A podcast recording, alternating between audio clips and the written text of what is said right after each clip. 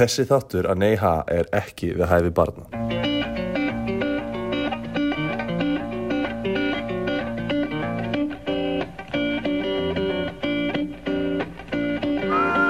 Góðan og blessaðan daginn, kvöld hjá mér endar velkomin í annan fjarkastátt af neyha. Já, verið sæl og velkomin Djöfull er ég ána með það, það stýttist í próf hjá mér, þannig að ég varð eiginlega að æla einum út áður en að sú kvöl byrjar. Já, það er náttúrulega ekki hægt að vera í prófum og hafa gaman sko. Það vita það allir Þannig að það er Já, bara vel valið það er að hafa gaman áður um byrja að læra próf já maður, ég sitja hérna með, með glasa rósavinni og er bara hefur léttur, bara tilbúin í uh, þátt. Já, þetta er nú búin að vera hérna svolítið skrítnar skrítnar vikur Þetta er svolítið eins og að fá flashback Já, Flashback í mars. Bylgja 2 maður á Íslandi. Við fengum Bylgja 2 Danmörku svolítið fyrr en á Íslandi en ekki svona crazy, stóra. Ég meina, Nei. fór ekki Bylgja 2 yfir Bylgja 1? Jó, það held ég Já. En við erum ekki hér til að tala um bylgina Nei maður, við erum að fara að tala um annan sjúkdóm. Við erum bara podcast Nei, ha Nei. Já, við erum hérna til að tala um annan sjúkdóm Við erum að fara að tala um hérna einn trubla einstakling uh, John McAfee Já Hann hef ég heyrt ok. að sé klikkaður og þetta er svolítið svona frábröðin neyha karakter, þetta er ekki svona einhver endilega á allra vörum en það hafa allir heyrt um McAfee vírusvörnina. Já, eh, sko Ég var að bara að velja John McAfee út af því að hann var handtekinn um dag Já, já, um, hann, hann kom svolítið í fréttinar Þannig að ef hann er relevant þá er hann relevant núna Því að þessi þáttu kemur nákvæmlega. Af því að það er engin meira relevant eins og þegar hann fer í steinin sko. Nei, nei, einmitt en, en ég ætla líka bara að koma með Ég ætla að koma með dis disclaimer bara núna strax áður en við rullum Sko, hérna uh, Átróni, eða þú veist Inn í þáttin Er að þessi þáttur er 100% Alveg bannar innan átján sko. Bara þú veist, þetta er bara Þetta er mest bannaði þátturinn sem við höfum tekið. Mátt ekki bara, þetta er ekki séns eitthvað svona orðin svona 17 og háls eitthvað svona heldur og megi fara björgvöld bara nei, þér er ekki hleyft inn, skilur þetta er bara 18 plus bara hide your kids, hide your wife. Þessi þá, ekki hlusta á þetta með fjölskyldinu ekki, ekki með Ekki pappa horfa- einum í einhverjum bíltúr eitthvað, nei, nei, nei, nei. Veist, þetta er ekki hægt. alvöru bannaðina átján content sko. Þú veist, ég var kannski, jú, ég var hissa. Ég var, ég, ég var í sjokk veist, þegar ég skrifaði það. Og ég ætla líka bara að taka fram að ég er ekki að fjalla um þennan mann eitthvað út af því að ég Þú ert ekki Þú- hér til að taka afstöðu sko. Nei, ég tek eitthvað afstöðu, ég dáist ekki að hannum, ég, ég gaggrina hann, að þú veist, ég, ég, ég bara, þetta eru upplýsingar sem ég fann um þennan mann og ég, Þetta bara gerðist. Þetta bara gerðist. Og ég er bara alveg hlutlaus að segja bara frá þeim eins og ég las þetta á internetinu. Já, Þannig að, þannig eru reglurnar í neyha Þannig gerum við það difilegt þannig að, með það sagt, bara, þú veist, he, þessi þáttur er ekki fyrir fólk sem er viðkvæmt. Þetta er ekki hægt. Þannig að við ætlum bara, við ætlum bara að fara í Við ætlum að fara inn með, með það hugafar og bara let, let's do it. Kýlum á það, ég er mjög spenntur. Já. Þá bara segjum við það og cue the music. Cue the music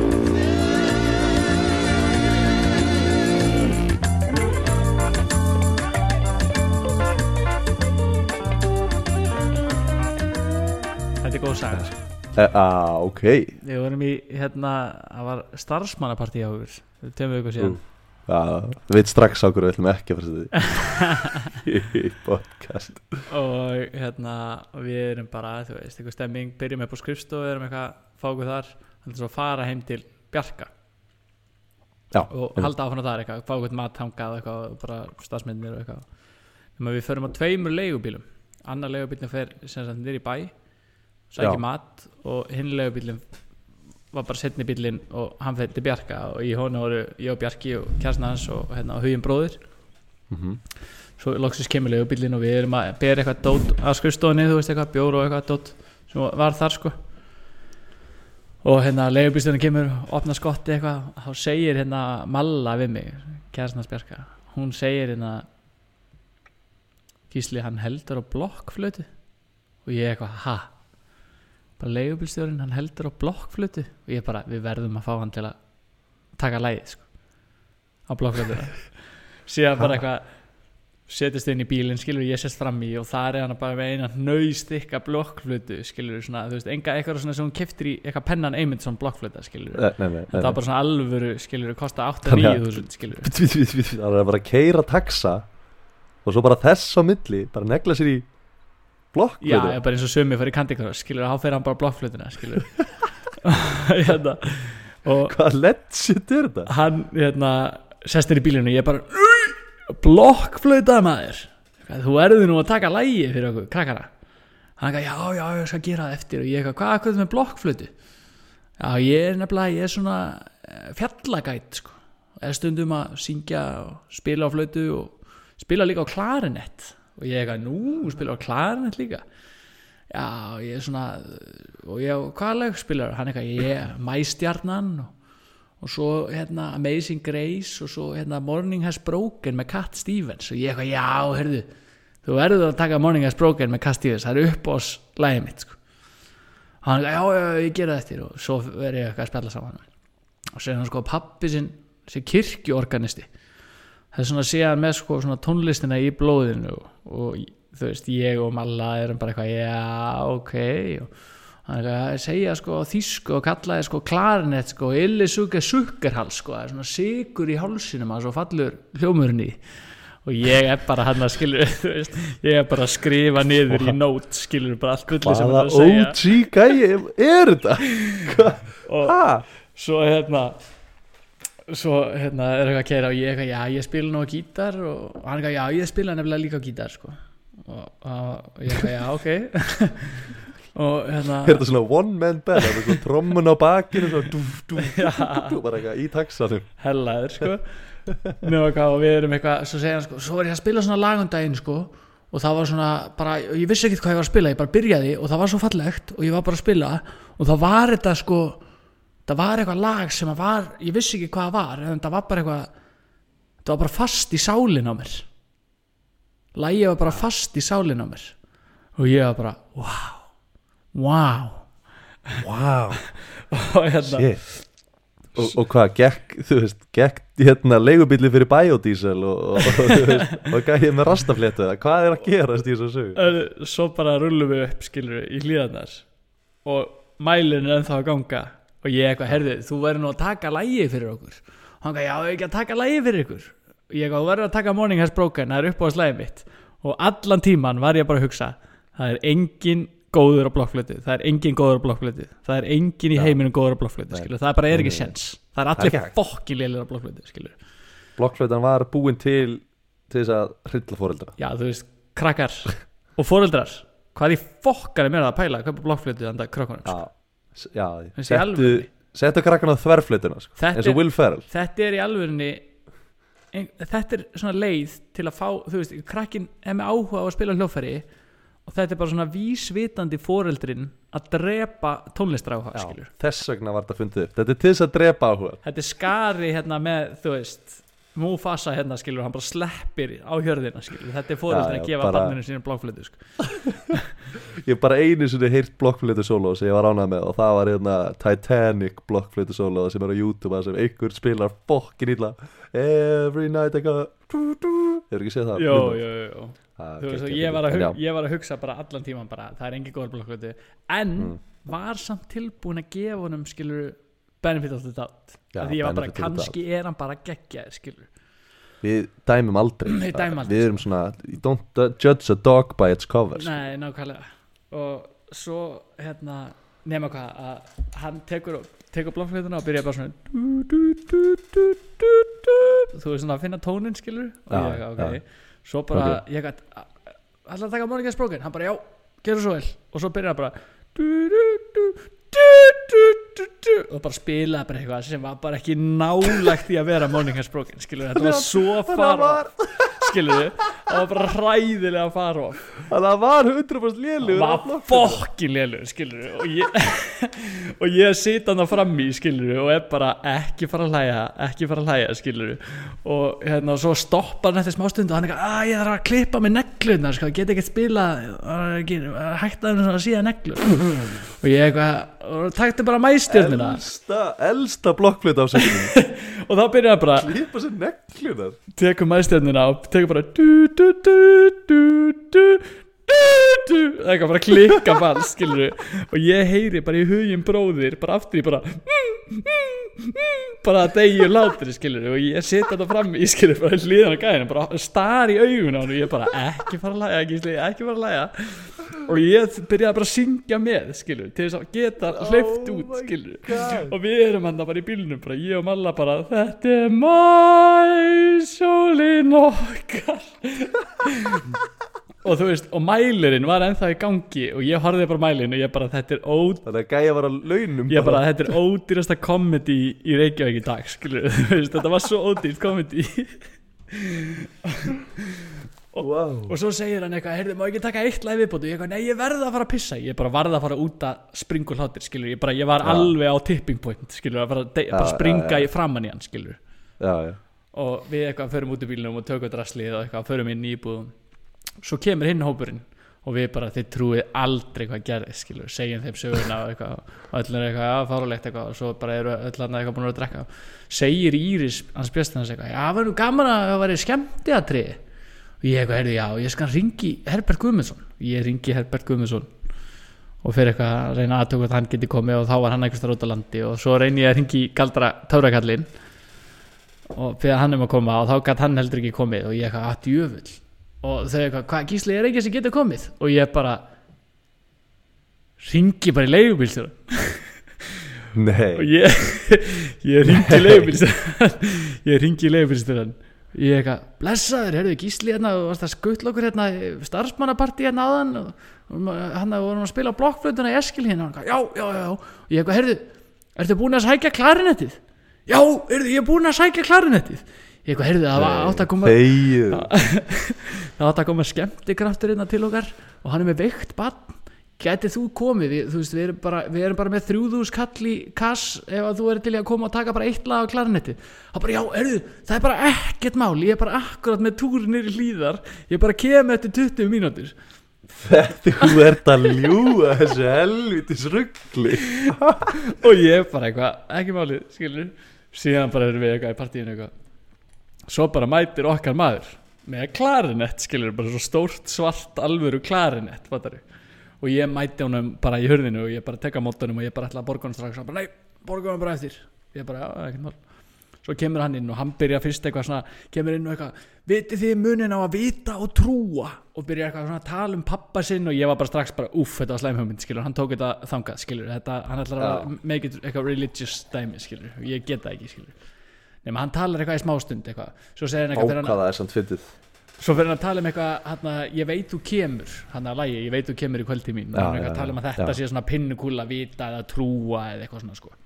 Og Ha, býtu, fjallar, fjallar ekki Ég veit þú kemur í kvöldi mínum að dogga? Já, já, bara 100% skilur en hann var bara, þú veist, þetta var bara eitthvað svona þú veist, hann var bara að segja eitthvað skilur Hvern, Já, já, just, ég bara fatt ekki Ég ekki angulið Ég veit þú kemur í kvöldi mínu að snýst um að vita eða trúa. Neina, það snýst um að bara dinga ling og hann hérna er eitthvað að segja þessa sögu og svo bara tekur hann að klarinetti og er eitthvað, ég er að taka það hérna og ég bara stend hann og ég er bara eitthvað þú veist, að horfa hann, skilur og allir, þú veist, ég horfi bara að sitja allir við svona eldursport og það er bara allir að horfa í bringuna skilur, það gati enginn hort fram fyrir sig skilur, það voru bara allir svo sættir um að springa bara. ég var bara líka áður en labba en ég bara þið megið ekki hlæja í þú veist, fara í hlátuskast, skilur það er ekki, það er ekki sens, skilur, það er ekki hægt gera það wow.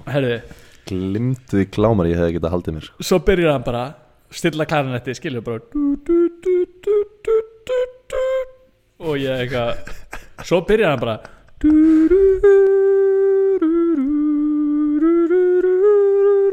og ég bara, býtu, er hann actually góður á klarinett?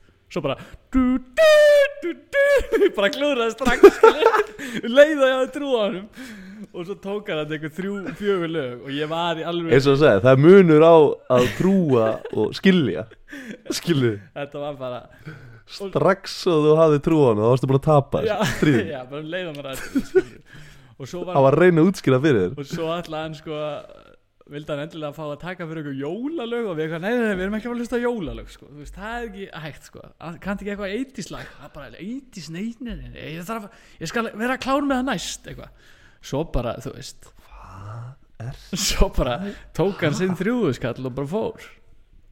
Og ég er búin að segja ég er búin að grenni og hlottir þess að sögu bara í tvær vikur. Þetta er ekta Þetta er ekta saga sko. Vá hvað þetta fyndið.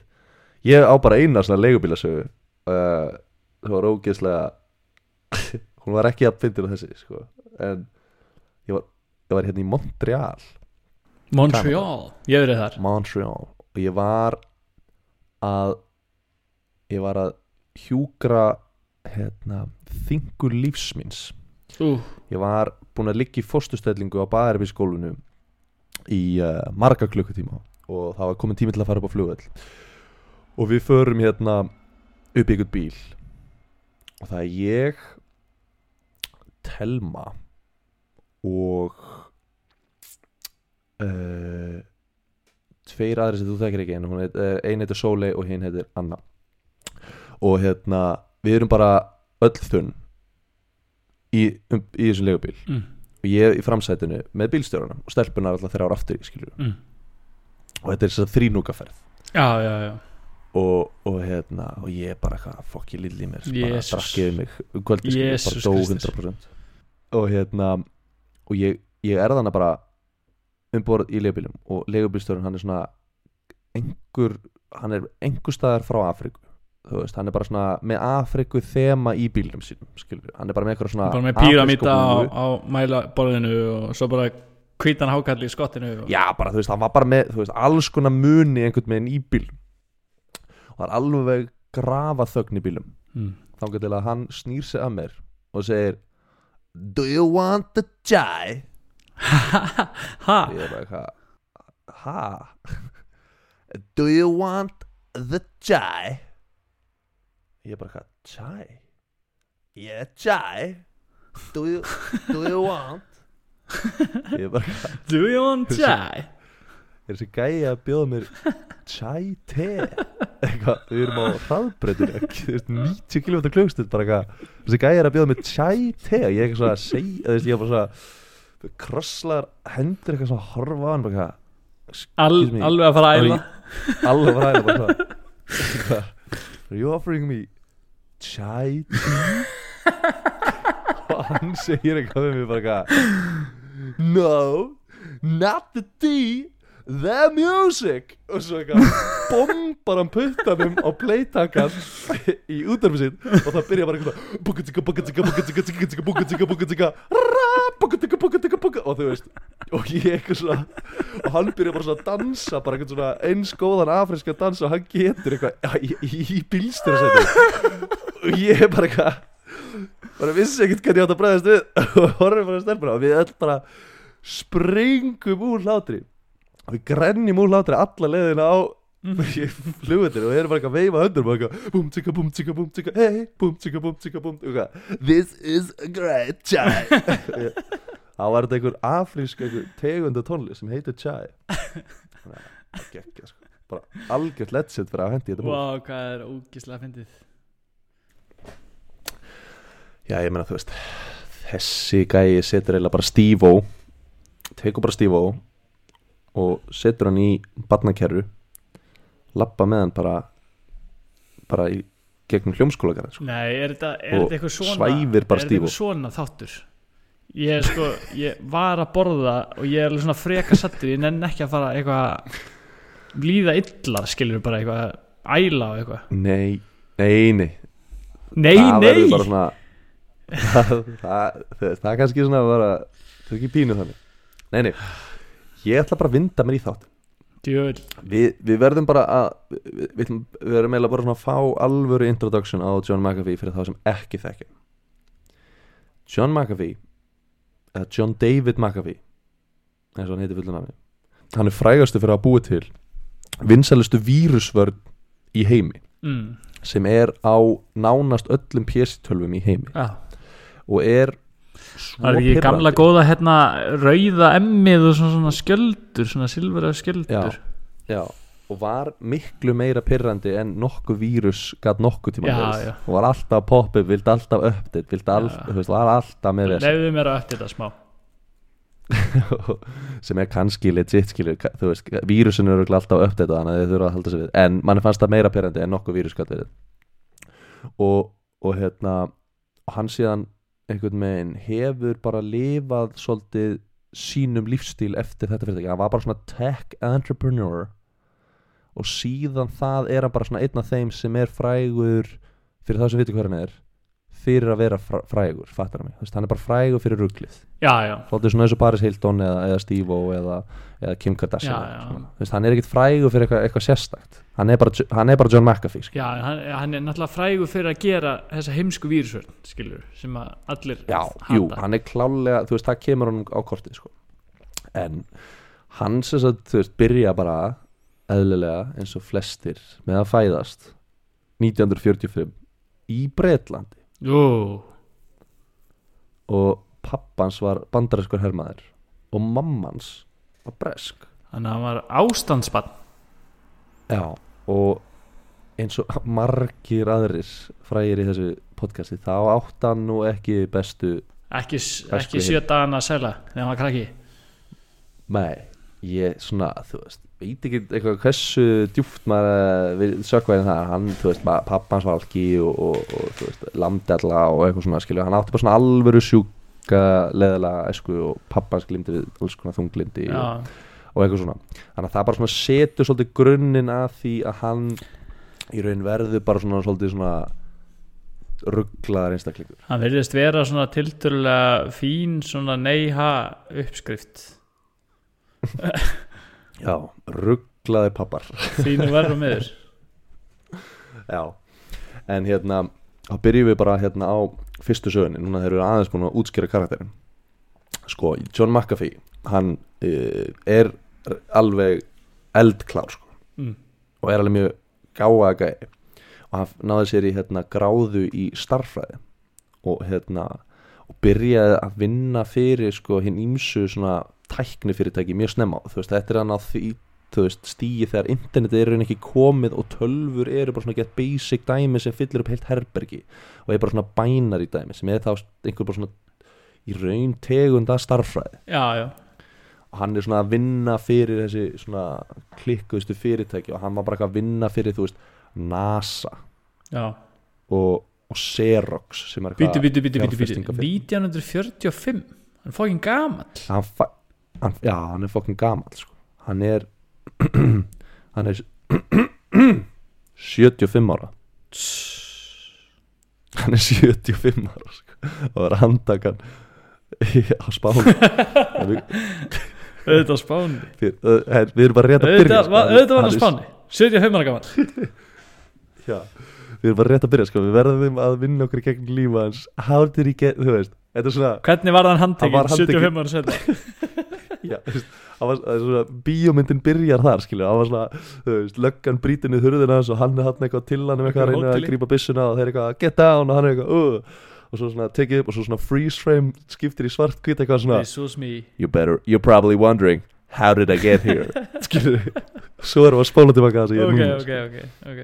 Ok, hann er svo komið vinnu hjá alveg mörgum fyrirtækjum. Ok. þú veist, hann vinni hjá NASA Xerox, jarðbreyta fyrirtæki þú veist, hann er bara svo að sjá um að setja upp veist, tölvu kerfi og, og svona nútíma væða bara þessi stærstu fyrirtæki skilur um, og hérna en á meðan hann var að vinna fyrir þessi fyrirtæki þá var hann svolítið mikið að keira í sig og negli sig fullt af kókaini og hann var líka að selja kókain inn í öll fyrirtæki sem hann var að vinna fyrir. Að hann bara að selja kókain hjá NASA selja kókain hjá Xerox ha, og misti reyndar vinnuna sína hjá jafnbreyta fyrirtækinu og það hann mætti eins og í vinnuna eftir að hafa tekið heilan póka af DMT ha? Og, og DMT fyrir það sem ekki vita hvað það er er sko í raun te sem einhverjir indjánar í Amazon rekskóinum taka þar sem þú apparently verður það strópaður að þú ferðast um þú svona limpast út úr uh, meðvitund í svona korter og ferðast um geimin í svona 500 ár og kemur svo aftur. Þannig að hann var bara að bomba því í morgunkaffi sitt og bomba sér svo í vinnuna. Jésús sem er alltaf galið en sum fyrirtækin sem var að vinna fyrir hérna voru með háleinilegar upplýsingar frá ríkinu. Þannig að þú veist, eins og NASA skilur bara, bara mjög sensitiv upplýsingar og líka Xerox. Þannig að þú veist um, þetta var svona mjög svona sensitiv uh, upplýsingar og hann til þess að fá hérna, til þess að fá aðganga þessum upplýsingum þá þurfti hann að fara í gegnum svona security clearance.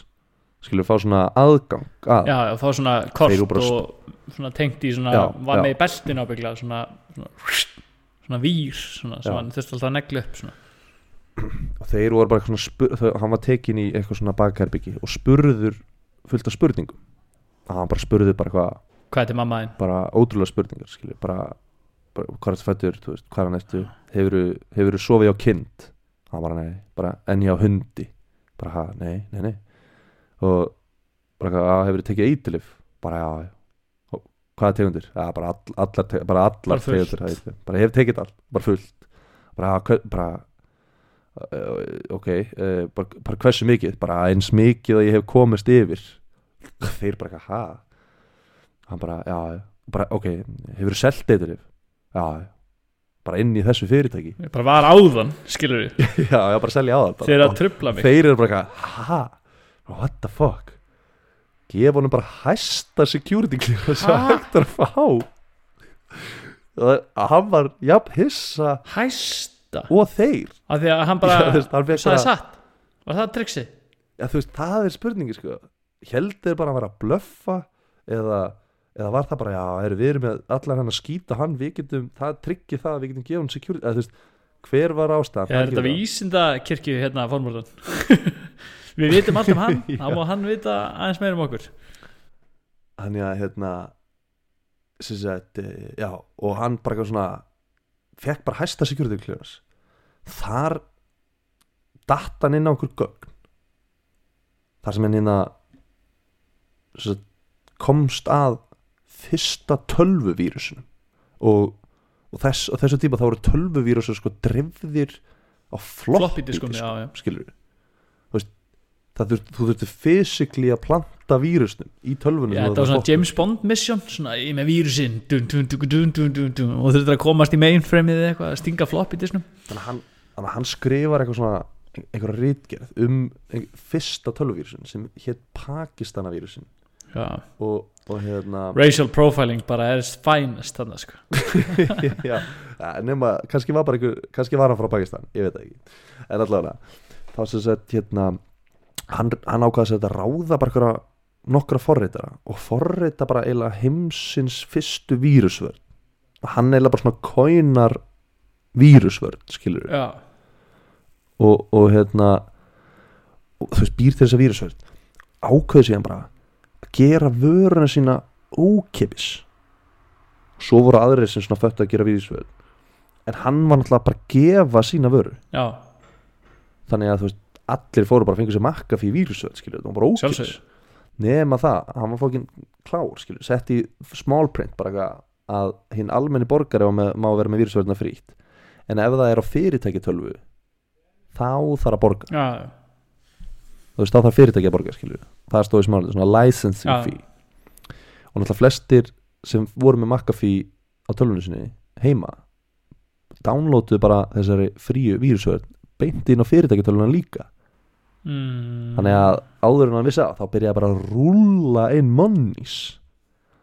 Að hann var bara overnight bara miljónir skilur uh, það gerðist til aðalóta því að það var eitthvað svona eitthvað tölvuvírus sem hétt Michelangelo vírusið sem var þannig forrita alltaf þegar þú setti floppy disk inn í tölvuna þá færði vírusið sér sjálfkrafa yfir á floppy diskinn. Og þannig að veist þetta fór á milli tölvuna skilur Ú, bara eins og alvöru vírus. Já, bara eins og alvöru vírus skilur Þannig að smitaðist og svo uppgötaðist þetta og gæinn sem bjóð til vírusin böstaðist. Nei, þannig að þú veist, hann var bara svona, það var svona high profile case og McAfee notaði þetta til þess að svona ú, hræða alla bara, tölvuvírusinu bara örgulega fara að rústa bara halva miljón að þú veist, bara 500.000 tölvum eða eitthvað. Og allir Og- bara yeah right, skilur. Nákvæmlega eins og við sögðum kínverjan sem átleiði blökusúpuna sko. Já, það veist og það sem var annað við þennan vírus þessi vírus var sko settur sem hérna svona time bomb. Þannig að hann, hann triggeraði ekki, það veist að viss engin þess fólk vissi af vírusnum en þeir vissu ekki hvað vírusin gerði út af því hann, hann var svona tíma, tímasprengi unni sér, hann aktivitaðist ekki fyrir ná ammælistag Michelangelo, þess að heitir hann Michelangelo vírusin og svo þegar, þú veist hérna vírusin fór á stað, skilur þá rústuðist reynda bara 30.000 tölfur ekki 500.000 en þá var, þú veist þá var McAfee ára svo stort nafn út af þessu vírusi sem náðu þessu miklu svona profile, svona notoriety. Já, og var það eftir eftir að hann rústaði þessi vírus eða, eða meðan hann var í í dreifing raun sko vírusin var bara svona fyrir hann bara eitt svona stort marketingkampæn mm. hann endaði því að eiga 65% af markaðanum í vírusvörnum. What? út af basically þessum vírus skilur það það bara þetta var það gott PR fyrir hann skilur er huge. Þannig að hann átti bara 65% af heimsmarkaðanum og hérna og hann alltaf var bara allt í henni komið bara risa fyrirtæki undir hendunar mm. og var bara eitthvað eiginlega alveg rugglaður alltaf, eins og ég segja, var bara eitthvað að taka kókain og DMT bara eitthvað hjá NASA áður en að hann ákvaði að hendi þetta litla side project skilur Já, þannig að þegar hann byrjaði með þetta fyrirtæki sitt veist, þá er bara eitthvað svona köld stemning. Hann var ekkert að vinna með svona corporate stemningu.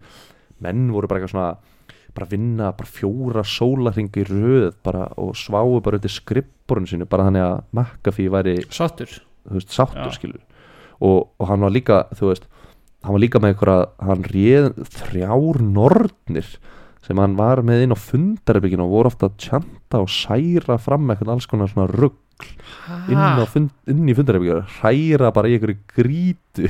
Nei, bara með bara pott Bara- skilur bara gera seiði. Já, voru bara, þú veist, á, á bara með þrjár nornir inn í fyrirtækinu. Bara hérna fortíð, hérna- nútíð og framtíð hérna norðniðar já, já, já. Og það var heldur ekkert algengt að menn voru að slást með sverðum. Skoruðu konan hann á holm bara á skrifstofunni? Og fóru bara í já, bara skrifstónu, bara sverðdjúl skilur þannig að þú gæst bara að vera að lappa bara mánudags morgun bara það voru kannski þrý gæði búin að vera hann alla helgina bara tsing, tsing, tsing, tsing þetta var greiðlega svona medieval svona office hérna þema. Bara nornir og já, skilmingar og svona, já, já, já, svona þema. Svarti þetta ég veit ekki hvernig seinasta seinasta svona þema passar inn í það dæmi. En uh, einn daginn þá hérna að sem sagt Bill Larsson CEO fyrirtækinu. Um, nei, hann var junior CEO segi hann uh, settist bara niður skrifur sitt og það lappaði kona inn og hérna með svona spraybrúsa hún byrja bara að spraya bara niður skrifborðans Billy bara, hvað er þetta hvað er þetta að gera? já, hún bara, herðu, að það var hérna kynlífskeppni hérna skrifborðinni á gerkvöldi ég er bara aðeins að þrýfa ha? Og það var bara það var bara stemningin, þú veist fekst stig fyrir að ríða skrýtnum stöðum inn í fyrirtækinu og svo var oft verið að halda bara bang keppnir. Þetta er bara þetta er bara eins og Wolf of Wall Street. Þetta er bara nákvæmlega eins. Skilmingar og kynlíf. Já, já, þú veist, the 80s was a hell of a time sko. djúvel veistu maður að miklu hérna, allir slagir núna. Já, 1980, þú veist, bandar ekki 1980 Já, veist, þetta bara Þetta var, eiginlega- ég eiginlega var búin að splitta þessi tvær sögur En ég eiginlega bara, þetta er bara eins að Þetta er fyrsta sög ég held að væri en konur á sögu tvö. Já, þetta er í raun, sko, ef ég ætla að skipta þessu Þá er þetta svona í rauninni að Að hann hafi fengið hann security clearance Þrátt fyrir að eiturlefa dæmið Og svo nummer tvö Hérna, bara eftir að stofna McAfee stemningin. Bara, já, hvernig hann stopnaði stopnaði McAfee En hérna, en já, þeir investornir fa- fannst þetta að vera svolítið svona soldi rugglu stemning þegar þeir voru að kíkja á, svona fundi og eitthvað. Þannig að þeir kiftu McAfee út fyrir 100 miljónir bandarækjadala ha, keftu hann út? Já, kiftu hann út fyrir 100 miljónir bandarækjadala hvað það mikið í íslenskum? Það er bara klink fokki mikið. Það er ógeðslega mikið. Það er veist sinnum það er bara eitthvað gæti þú veist hvað, hvað er það mikið? Veist, er það, er það, er það, er það 1,7 miljardar eða er það meira? bóðið Ég- meira. Æ, ég áttum ekki að þessu. Ég er svo lillur í þessu. En já, en já. Eftir að John Kassarút 100 miljónum bandaríkjana þá flutt hann til Colorado í bandaríkjana til þess að verða gúrú. Já, klassíst hann bara já, bara klassi, allar bara, hann bara svona varð bara svona, hann let bara byggja fyrir sig eitthvað risa hús bara eðimörkinni, bara flugvöll og, og eiginlega let líka bara byggja fullt af random flugvöllum bara út um alla eðimörk og var svona stunda svigflug og eitthvað svona um, og hann hýsti cirka 200 manns sem hluti af þessu költi sínu og var þar bara eitthvað að kenna jóka og, og hérna og svona tala um þú veist bara, hann var svona að kenna fólki á lífið sko. hann náttúrulega vissi eitt og annað um hvernig átt að búti gott seiði og Búin að vera náttúrulega með nornir í vinnu sko. þannig að þú veist hann, hann var hérna eh, já, hann var svona að svona varpa fram sinni svona visku, lífsvisku og hann skrifaði þessar fjórar bækur á þessum tíma sem var svona eiginlega biblía fyrir fylgjendur hans. Og svona þegar, þegar köldi var að ná hámarki og þú veist, svona fullt af fólki einhvern veginn svona búið að flytja Hva, Hvað er að tala um? Stórt kvöld? það er það eitthvað svona 250 manns Jésús, ok. sem bú, búa, búa í, í þessu mannsjöni hjá honum. Í Colorado? Eru, já, það er svona þegar kvöldi nær hámarki þá hætti hann þessu. Og sagði við alla fylgjöndu sinna að, að bækurna sem hann skrifa bara eitthvað kjaftaði að hann var bara að djóka. Og Fólk er svo bara búspil, heimskt. allir heim. Búið spil, allir heim. Hvað á ég að búið spil gera núna við lífið mitt skilur já, veist, það er líka bara sem fyndi hvað fólk í bandaríkju greinlega auðveldlega svona, bara svona, já, eitthvað, veru út í náttúrunni jóka, bara, oh my god og svo einhver, einhver miljórðamæringur búin að skrifa nokkra bækur og bara, oh my god, that, this is the meaning of life en síðan hann bara, já, ég var bara ég, þetta var bara eitthvað feys, ég var bara 100% að jóka sko, bara burt með ykkur, bara heim. Þannig að hann hendi allir liðinu út og ákvaði staðin að innbytta sér að svifluginu og bjóð til sér að nýja íþrótt sem hétt aerotracking sem er svona einhvern veginn marathon flug íþrótt á sviflugilum og þú svona lendur á mismundu stöðum og sérði eitthvað svona marga staði og er svona checkpoint og eitthvað svona dóttir í. og til þess að promóta þetta þá, þá leta hann reysa flugskóla. Um, þar sem hægt var að læra að fljúa hérna. Því í segvi að það er bara að byrja bara köld 250 manns í Colorado og svo bara sviflugar bara Já, bara, ég veit að ef hann hefði samt ekki beilað á kvöldina það er bara verið 200 svifli og bara njó, njó, bara allt chaos hann reynd, reynda lend, lendi í það að vera hérna, lögsóttur eftir að 60 maður dó í flugslisi sem var tengdur námunu prógraminu hans. Já.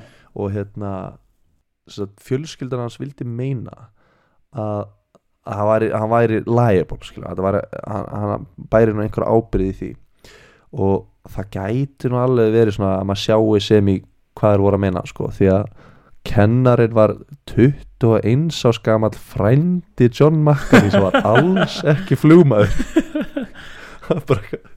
Og var alls ekki með flugréttindi og hafði bara flogið svona sviflögli svona 60 klukkutíma. Hann var bara með ein hann var bara með frænda sinn.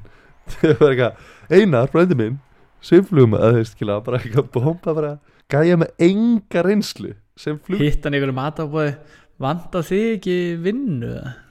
Já bara ímyndaðir bara hvað þú heyri frændanum sem er moldaðir að blasa, blasa, Jón, hvað segiru Herru, ég er bara, herru, vant að þið ekki vinnu í sumar? Jú, jú, svo ertu bara að vinna sem flugmaður. Úgeðslega mikil ábyrð Já, já, galið sko. En já, síðan var hann, hann var lögsóttu fyrir 5 miljónir bandarækjadala og síðan var hérna annar fökkar sem rasaði á lóðunars hann vildi líka minna að, að hérna að John ætti að borga um einhverja miljónir það er endar það bandarískasta sem ég heyrt eitthvað. Rasa. Og lögsækja. vilja fá pening sko. Já, lögsækja, það er umlegt sko. Ég skil fyrstu fjölskylduna. En setni gæn, ef ég hef verið fjölskyldan fyrsta það hef verið pínu pyrr, pyrrað skilur út í gæði. Sem rasaði og lögsótti líka bara Fokkin bandarækin eru svo ógeðslega nöytið Þú veist, þið verða bara að kæra Verða að kæra já, já. en uh, hann sem sagt illa, uh, og hann líka tapaði hellinga peningum á þessum tíma út af hérna, út af hérna hruninu sko. Mm. þannig að hann fattaði eða bara algjör tricks til þess að þurfa ekki að borga krónu á, á þetta, e- þetta lið, þessa sökkra. Hann listi bara yfir gjaldróti neldi sig bara úr landi og flutti til Belize. Þannig að hann er bara aftur fluttur bara búm. Já, bara hann, hann sem sagt byrjaði bara hann byrjaði bara í Silicon Valley svo Colorado nú er hann komið til Belize. Ok, ok, þá, þá flækjast máli ég, ég glimti að nefna að ég er búin að setja allar sögunar í tímaröð. Þannig að við erum að fara í gegnum bara ok, já, já, þetta er eins og byrjun- bíómyndin eins og þetta er sagðir. eins og bíómyndin skilur Já. við byrjuðum á endanum það sem hann var handekinn á spáni og svo er ég bara að fara í gegnum allt í tímaröð þannig að hérna þannig að ég, legasagan er líka hluti af timeline en allavega þegar hann flutti til Belize þú veist, allavega var hann búin að vera svona eccentric, svolítið svona þú veist, ævintýra gæt miljónamæningur mm. mil, að, já, hann var reynda búin að græða hellinga pening á fastegnamarkaðna, hann var svona það var svona philanthropist. Já, klálega orðið síðan að leita svona philanthropist. Þannig að hann svona snýri yfir sem sín svolítið við þegar hann fór til Belize þegar hann hitti þar virtan vísindamann eða reyndar virtu, virta vísinda konu öllu heldur Ú, eh, hún var að rannsaka einhver svona náttúrulega plöntu sem býr til eitthvað svona bakteríudrepandi lif að þú veist eh, býr til eitthvað lif sem satt, eh, fokkar bakteríu upp þannig að það get ekki eitthvað blanda sér, að það dreift sér skilur, jafnvel mm. og í sagt. ha, og hún er í Belize líka sem sagt. Já, hún er í Belize, Já. hún er bara í frumskoðinu bara að skoða þessa plöntur og hann er eitthvað með rekst á hana og hann er bara heyrðu, wow, ég, ég fíla þetta koncept, bara þetta er geggjað. Þannig að hann bara byggir bara risa bönguló, bara miðjum frumskoðinum í Belize. Bara eins og í Tassan. Já og, já, og bara býr bara til líka bara eitthvað tilrauna stofu það sem vísindakonan getur bara eitthvað gert rannsóknu sínar. Uh, býr til bara eitthvað svakalegt virki en svo svona eftir að vera búin að búa svona klika virki þá gæði líka að kaupa sér bokki mikið af byssum. Svo þar að koma alltaf byssuna og svona á, réðan mafjuna lokal gangster til þess að vinna fyrir sig. Svo svona já svona fekk að sér fullt af hundum. Að þetta er svona fyrir að, fyrir að detti í góða stemninguna svo réðan tíu mellur til þess að vera á húsinu 24-7 eða hann í raun bara svona var bara með kærustur skilur sem voru bara hann alltaf skilur tíu gælur hann hætti þá í raun að vera vændiskornur og voru bara svona launaðar kærustur einhvern veginn. Já, og svo svona tilurinn það er í alvörinni eins og þú sért að segja mig frá ykkur svona atri bíómynd skilur, eða einhverju bíómynd þetta er, Já. það er enginn sem að gerir þetta bara í lífinu. Það fannst þú líka tilraunastofan að vera svolítið tóm þannig að hann fór að framleiða baðsöld í tilraunastofan og reykja. Hann fór að reykja ógeðslega mikið. Ég veit ekki hvað baðsöld heita ég held að það sé eitthvað PCP eða það er einhvers þar í þeirri fjölskyldu. Þannig að þannig að gæinn reykti baðsalt og var náttúrulega alveg keksruglar því sko. Baðsöld? Já, baðsöld. Það er veist eitthvað svakalegt eiturljós já, já, setur bara í baði til þess að bubla. Ef þú reykir það sitt það fokkast upp sko. Nú er þú að kenna manni eitthvað slæmt. Nú verður þú að hætta já, ég, ég reyndar hef aldrei reykt baðsalt sko. en, og ég veit ekki hvort það er active ingredients í þess að baðsalt dæmi sem er slemt fyrir þig er búið fjarlæg og það að fólk var að mista þetta I don't know, ég veit ekki neitt um baðsalt en ég veit alltaf að John McAfee elska þetta shit og var að reykja þetta á hverjum degi. Og baðsalt gerði tvent við McAfee. Hann var nummer eitt klikka paranóður og nummer tvö innilega ógeðslega graður. Alltaf þannig að það er svona pínu erfitt að velja hvað ég á að adressa þessu fyrst. Þannig að ég ætla að byrja bara á hérna ég ætla að byrja bara á byrjum á grettunni. Já, ég held, ég, ég, það er alltaf gott Já, að byrja á fyrst- greiðinni ég var að pæla þetta er alveg bannað innan átjónu sem þáttur sko. við verðum að minna á það hérna núna já, já, já, þetta er aðalast að vera bönniðan á því út af grettunni. Hann var svo sjúkur í að ríða hann var stundum að ríða 24 klukkustím tíma á dag. Í fjóra til fimm daga streit Nei, þetta er ekki hægt sko. og hann listi sjálfur, hann bara gat ekki hægt að riða, hann var svo græður og og hérna en svo, þú veist, eftir að vera búin að taka baðsöld og vera einhvern veginn búin að stunda fullt af venjulegu kynlífi, þá verður það boring skilur, hann þarf alltaf einhvern veginn svona að færa sig yfir einhverja fleiri sjúkari fetisa. Þannig að John McAfee vírusvarna gæinn ákvaða að skera gati hengikói það sem gæluna gati sest í hengikói og letar allar kúka upp í Nei. Hæ? Nei Færði þessi bara beint yfir í kúkaklámi nei nei nei, nei nei nei nei nei nei nei Þetta var eitthvað sem ég átti svo alls ekki vona að myndi segja Ég er í sjokki Arðari Ég er í 100% sjokki Hann eiginlega hætti alveg að ríða gæla og það er bara langt best að láta bara kúka upp í sig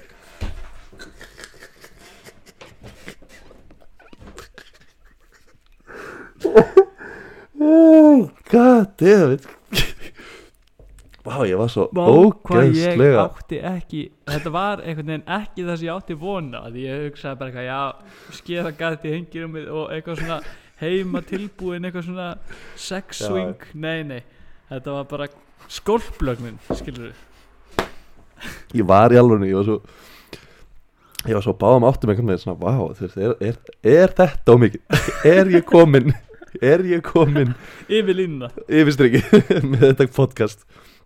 En ég meina Ha, shit maður. Kúka upp í sig.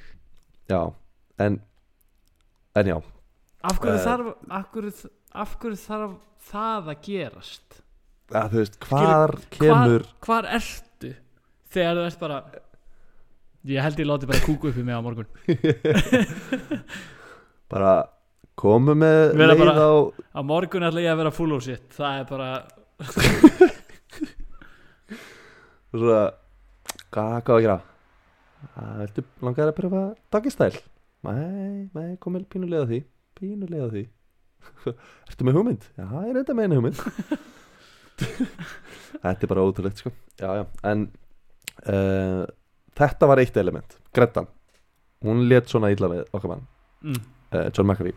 En síðan var hann líka úslega nájaður og, og ein kærastan hans um, hún var búin að ná samfaran um að nágranna þorpið sem var bara eitthvað pínu lítið frumskogar þorp væri eitt rugglaðasta dóp smiglara krimma súpa sunnan við ekvator sko. Hún bara samfara John McAfee með það þannig að John ákvað bara "Heyrðu, þetta er nú ekki hægt. Aðeins að fara hinsa til hana ég verð að taka lögin í eigin hendur hér. Og hreinsa upp í þorpinu. Þannig að hann í raun stopnaði lögreglustöð í þessu þorpi. Og ég einhver að gauðra stopna eitthvað shit. Já líka bara eitthvað stopnar ekkert lögreglustöð sko. það, þú verður ekkert eitthvað engar regna lögreglustöð. Það er bara ekkert lögin virka ekki þannig skilu. þannig að það er bara eitthvað og hann kaupir enginn spúninga fyrir allt þetta lið og þú veist, þeir byrja bara eitthvað að láta þess að sé lögga bara bara, þessu "Hey." þorp, þorp look at me. Já. I'm the captain now. Þorpið bara eitthvað í sjokki bara, ha, bara eitthvað friðsalt þorp í Amazon og hann er bara eitthvað hann er bara komið bláuljósin skilur og hérna uh, og var alltaf að stoppa lið á götur og tjekka hvort það væri dópsalar. Líka bara eitthvað gamlar konur og eitthvað þú veist, bæjastur og, og, þá þá fekk sko þá lentar í vandræði með ríkislauruglana í Belize. Þeir voru bara eitthvað bítu, bítu, bítu er komið samkeppni skilur bara já, byrju, hvað hvað er í gangi? Hvað er í gangi skilju þannig að þeir í raun sko byrja að fá á makka fyrir og, og hérna þú veist og það var ekki, þetta var ekki, svona, ekki eina paranoiðin það heldur líka var hann alltaf paranoiður að gelluna sem hann var með myndi drepa sig því að þú veist þær voru alltaf að rífast við bæði hvoraðara og, og hann og það var afbrýðsemi út af því að kannski var hann svolítið mikið með þessari gellu þessa vikuna og svolítið mikið með þessari gellu hinna vikuna eða þú veist, það var svona, þetta var bara svona eitthvað svona almenn svolítið rugglu stemningan inni bara náttúrulega eiturlif og allt þetta rugglingan all, þú veist, allir að keppast um hver fara að kúka upp í John skilur allir og Hvað, ó, hvað var, hversu slæmt var gatið á hengirúminu, skilur Ói, við þurfum ekki að bara þurfum ekki að vera svona djúpt í þetta sko. ég held að við látum þetta bara liggja það og, en, en það sem þetta var eitt kvöldið þá hérna það ákvað einn gælan að hún hefði bara, "Eh, nú ætla ég að drepa. Nú ætla ég að drepa John. Komi nú. Búin, já, búin að, já, búin að fara búin að oft í hengirúmið. Ég veit ekki hvort að það tengd en hún var bara eitthvað, þau voru búin að rífast og hún var bara, ég hata hann, ég ætla að drepa Já, hann um, svo hún fór inn í svefbryggju hans og meðan hann var svoandi og tók byssuna upp á skúfunni og hérna byssuna? en já, hann var alltaf með byssu sko, með sér, Já, og já, þetta var byssan hans. Ok, já. Uh, og hérna hún beindi byssuna á hausnum hans. En hún fattaði svona að þegar hún var komin byssuna á hausnum hann þótt hún smá væntum hann. En vildi samt drepa hann en var svona, uh, ég meika ekki að sjá hann Deyja, Deyja. nei. Þannig að ég hérna ætla að loka augunum. Lokaði augunum skaut kottan í hliðin á John. Skaut bara beint í hliðin á hausnum hans. Sprengdi hljóðhimnas Nei, hann liði náttúrulega af en þú veist, hann var bara eitthvað þrjá sentimetra frá því að vera skotin í hausin upp í rúmi. What? Þannig að þannig að já. Þetta var svona fyrsti helmingurinn af Belize. Nú færum við okkur í setni helmingin Við er ekki meira um þessa löggu? Var það bara fun fact? Bara stofnaði löggustuð Já, stoppaði lögnistöð og, og, og var svona umkringdu gangsturum og eitthvað. En hann sko hann nefnilega fekk meira vesið með löguna sko. hann þurfti endaðilega að þurfa að flýja Belize. Því að John McAfee endaði að vera ákæru fyrir morð. Eða öllu heldur grunar um morð. Þetta er svolítið svolítið flókið keis sko. en hann endaði að fá nágrana því hann átti líka sko, hann var með Jungle Bungalow svo var hann líka með eitthvað mannsjón uh, á einhverju strönd sem hann var mikið að hanga sem var aðeins meira svona Central Belize. Mm. og þar átti hann hérna nágrana, bandaríkjamaður sem heit Greg Falls. Og, og þar hérna veist, það voru svolítið miklu erjur við nágrana. Og þá sérstaklega Greg Falls og hann var sko retired hérna Marine svona herrmann Mm. skilur búin Tók að, ekki búin að, frá búin neinum. að sjá þetta allt. Já, búin að sjá þetta allt skilur hann var engin vettlingur svona þegar kom, kom að því að, að hérna, díla við einhver svona svona baðsalt og, og hérna en John var líka með alla þessa varðhunda og þeir eru bara eitthvað hlaupum á ströndinni bara gjössalega rugglaði bara klikka sjúkir hundar skilur og hérna og það er allir klíka hrætti við þessa varðhunda. Við erum að tala um bara svona rottvæli svona sem bara geltir og bara svona fróðufelli svona og bara, og bara fokki hlaupa þér og geta já, já, og þú veist og, hérna, og John ekkert með neina í bandi eh, þú veist, valla með þá girta inni skilur þeir eru bara hlaupum um ströndina skilur Mm. bandarækjamaðurinn var svona var svolítið pyrraður þessu og hann, hann skrifaði official kvörtum til Belize Belizean government. Já, og, og, og þeir hérna þ- þú veist, ekkert mikið þeir eru ekkert að fara að gera mikið sko um, en það, það svona, þarna kemst hann svolítið á korti hjá John sko því að hann, þú veist, kvörtunin endar alveg í höndunum á honum sko. Mm.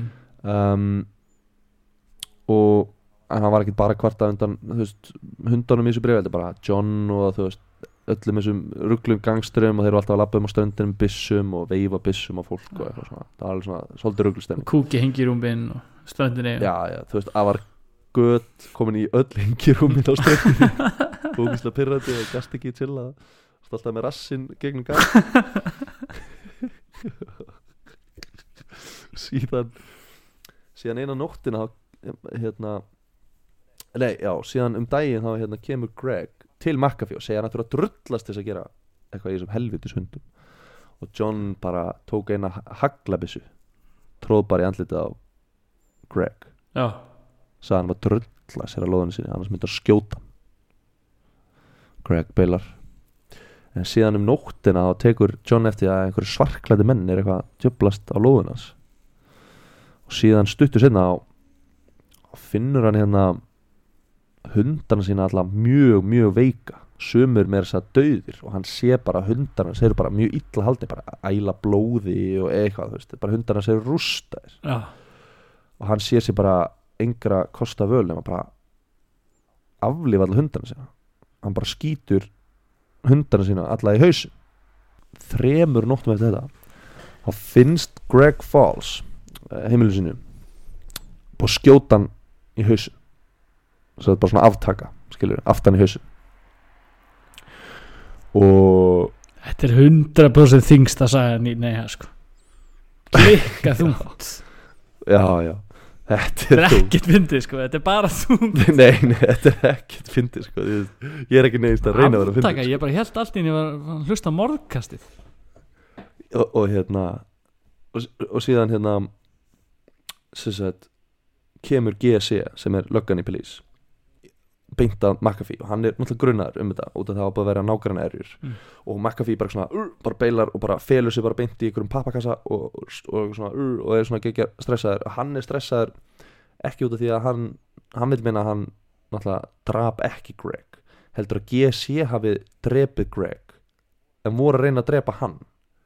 Og eru svo út af mistökunum að reyna að freyma hann fyrir morðið og hann heldur meira að segja að Greg hafi alls ekki drepið hundana sína heldur að GSC lögreglan hafi líka drepið hundana sem að er semast Belísian já, lögreglan alveggislög já, hann vil meina að þeir séu baka þetta allt. Mm. uh, út af því að Greg átti sjálfur hunda og var mikill hundamaður. Og engin hundamaður myndi eitra fyrir hundum annara alveg sama hvað væri pyrraðir út í það. Já, já, út af því að þú elskar hundar svo mikið.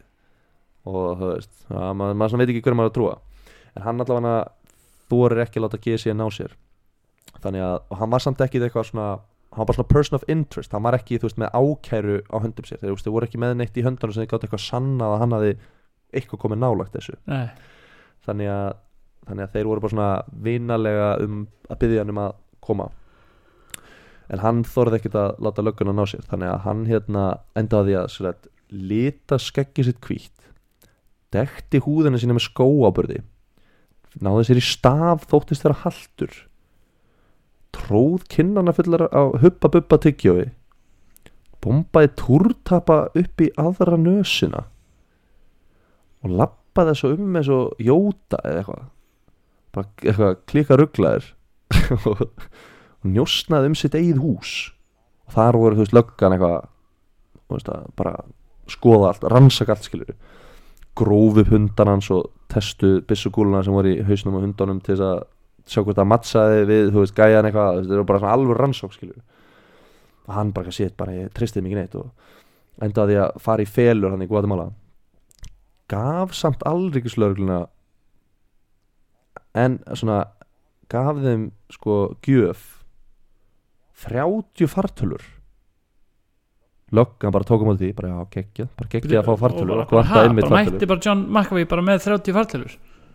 Það fylgir bara hjólið pakkast bara, það fylgir ekki svona hvernig hann gaði hann einhvern veginn náði að gefa alvegslögnu nema hann var búin að setja svona spyware á tölvunar hann gætt fylst með öllu sem að gera því að þeir voru nógu heimskitt að nota tölvuna sem hann var búin að gefa þeim. Að hann vissi alltaf hvað þeir voru að fara að vera. Og hann vissi alltaf eitthvað hvað þeir voru að rannsaka. Og hérna og hann sem sagt endaði að flýja til Guatemala. Það sem hann var síðan handtekinn. Út af því að hann fór ekki inn í Guatemala löglega. Hann sem sagt smiklaði sér inn í Guatemala. Yfir landabæri yfir landamærin. Og þeir ætluðu svo síðan að setja hann aftur til Belize uh, ekki út af því að þeir voru eitthvað hérna, hann uh, sótti svo, fekk sér lögfræk og sótt um hæli í Belize. Nei, í hérna Guatemala.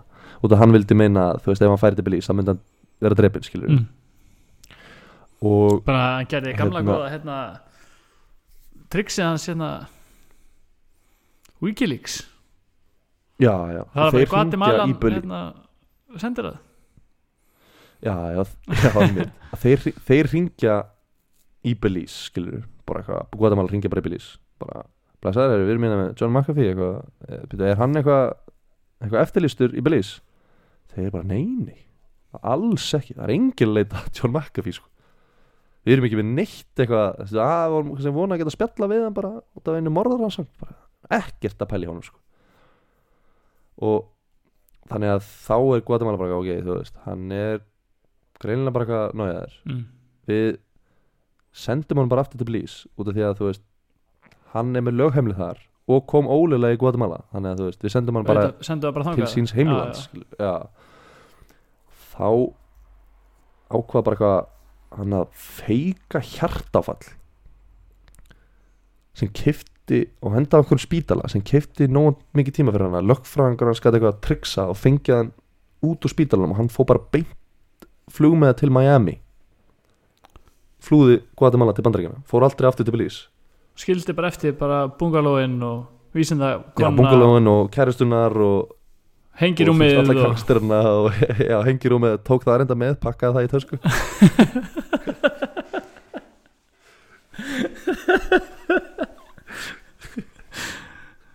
Og hérna ég ég, ég fatt að ég var ógæslega lengi að segja sögur ég er líka búin að skrifa hérna helling þetta er eitthvað ógeðslega sturla plott. En Miami. Miami. Við erum til Miami. Ha, What happens in Miami stays in Miami sko. það segja þér. Hann, hann náttúrulega bara er búin að vera í Miami í sólarhing þegar bara beint uh, hittir aðra vændiskonum. Mm. um, það er núna konan hans sem hann giftur. Hann sem var instantly ástfangin að þessari konu. Um, og hérna og hann ákvað svona herru, við verðum eiginlega að bjarga þessari frábæri konu úr, úr þessu vændis situationi sem hún er í. Uh, því að þú veist, hérna er ég bara búin að finna sálufélaga minn skilur já, og hann lendir eiginlega í vesinu með pimpin hennar sem heit Swave. Sway hann var ekki droslega sáttu með að mekka því var þarna með mættur hengir um mig þá 62 ára gamall. Búin að hérna búin að búin að skýta út um allt hóruhús og nei, kannski ekki en, en hérna, en, hérna þannig að það enda því að hérna McAfee einhvern veginn bara svona bjargaði henni. Fó bara inn og tók ekkert skít frá Nei, og hann alltaf, alltaf vopnaður. Hann tók hana bara. Já, hún er alltaf mjánað, hann, hann, hún er líka skotin í honum en hann er samt þarna orðin sko mannræningi nei, nei, nei, ég meina að hún vildi láta ræna sig Já, ok, já, já. og þau eru bara ennþá gift í dag og, og eru bara mjög hamakjusum og, og hérna um, hann, hann var þú veist bara alltaf opnaður um, og hann sagði mér að það komin okkur hitmenn frá Belize til Miami og reynda að drepa. Nei, en þeir náðu aldrei, Hann- náðu hann aldrei var löggan í Belís bara að tryggsa segja að þeim væri alveg sama og veist, það veit engin sko. það er veit enginn það, það veit engin hvað er að gerast sko. en, en hérna einu sinni var hann í golfi með félagi sínum hérna uh, og hérna var á, hérna, á átjánhólu golfbreyt í, í, í Miami. Og hérna og var með bara, hann var alltaf með einhvern veginn svona possi með sér, hann var alltaf með öryggisverði með sér, alltaf með krúið já, alltaf með krúið og er bara, fer ekki úr húsinu með að vera með security. Um, og hérna þeir voru eitthvað að keirum á þremur gólbílum og eitthvað, keir út um allt. Og hérna og eins og þú veist, þá er fullt af krokodilum í Miami Já, ég veit allt um það. Alli- alligators. Hef, sást þú, varst þú í Miami? eða? Nei, nei, það Eða bara í Flórída. eins og þú veist það er, finnst það svona gekja já, ég meina það hafa allir síðan Happy Gilmore skilur, Já, já, krokodilin þar. Já hann er góður. Það, þeir lendi í ykkur svipuðu nema það reynda kúlan fór ekki upp í kjáttin á krokodilum sko. En það var krokodill á Brautinni. greeninu brautinni skilur og hérna McAfee fannst hérna krokodilin vera heldur nálagt kúlun sinni. Þannig að hann tók sagt var bara með haglabessu í golftöskunni rýfur hana upp úr lappar upp að krokodilum og skýtur krokodilin í hausinn og drefur hann Hæ? á miðjum golfvellinum. Já. Og, og allir gangstarinn sem var með í kring sig þeir eru bara, já, þetta er bara, þetta er bara basic. Félag hans var reyndar í sjokki og ógeðslega hissa. Ekki óþarf að drepa Og- krokodilin já, bara mjög óþæri sko. Og, og líka bara lögregla mætti. Lögregla var köllu til. Og náðu McAfee á þú veist ég veit ekki, 17. hólu eða eitthvað og bara ennþá að golfa og, og hérna og yfirheyrðan skilur bara á, á svæðinu. En, en hérna McAfee taldi að hann hefði drepið krokodilin í sjálfsverð Já, þannig að right. Og alla my right. Og alla byssuna sem var með voru líka ekki þú veist, ólulegar skilja, var með leifi fyrir öllum byssunum. Þannig að hann var í raun ekki búin að brjóta neina Ég lög. skil ekki yfir höfuð hvernig einhver í bandarækjunum getur átt ólöglega byssu sko. Þú veist, ég er ekki nóg að löglega byssum að núti það Nei, nákvæmlega, þetta er náttúrulega þetta snýst held ég um það að þú veist, sérstaklega þessi svona gangstrar þeir eru oft með svona unregistered já, weapons. triksi og Til þess að út af því að þú veist já, svo drepa þér skilur og svo f- f- fer löggan og skoða byssukúluna og ú, þetta er nákvæmlega svona cane. Já, CSI, CSI Miami. og fara þér í Þarna. database já, CSI Miami. Babam, babam þetta er bara, we got a dead crocodile.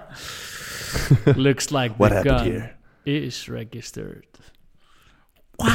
Yeah. But uh, we found a dead crocodile. What's this over there? Is that a is that a hammock? Eh, allavega, það er það Already starting to look like shit En út af þessu hérna þá þetta fór í fréttinar og lögregluskíslur í bandaríkjunum nei, í Flórida eru opinberar þannig að hérna þú veist, allir geta flett upp lögregluskíslu mm. þegar þessi lögregluskísla var gerð opinber þá fór þetta í fréttinar og það myndaðist ekki ekki mikið börs að þetta var John McAfee og þá já, já, og þetta var John. McAfee. Og þá hérna um, og hann í raun sko, hann flytur frá Miami til Kentucky. Já, maður Og- veit alveg já, út af Til- út af bræðinu kási, líka bara til þess að búa við hliðin á hérna búa við, við, hliðin á hérna uh, bj- bjó ekki Johnny Depp í Kentucky já, Já. Fun fact.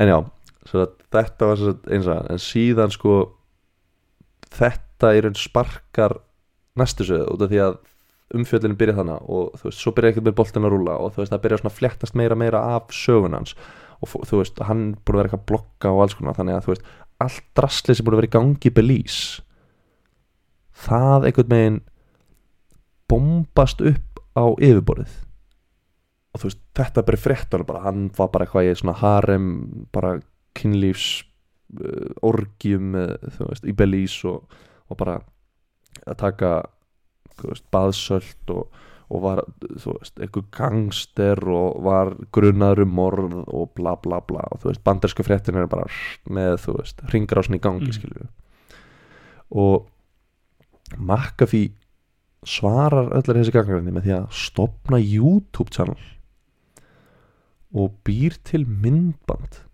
þar sem hann útskýri hvernig er hægt að uninstalla McAfee vírusverðinni. Og í myndbandinu þar er hann umkringdur vændiskonum sem er einhvern veginn að klæða hann úr og hann er að taka kókain á meðan hann er að útskýra. Ha, nei. Er það að djóka?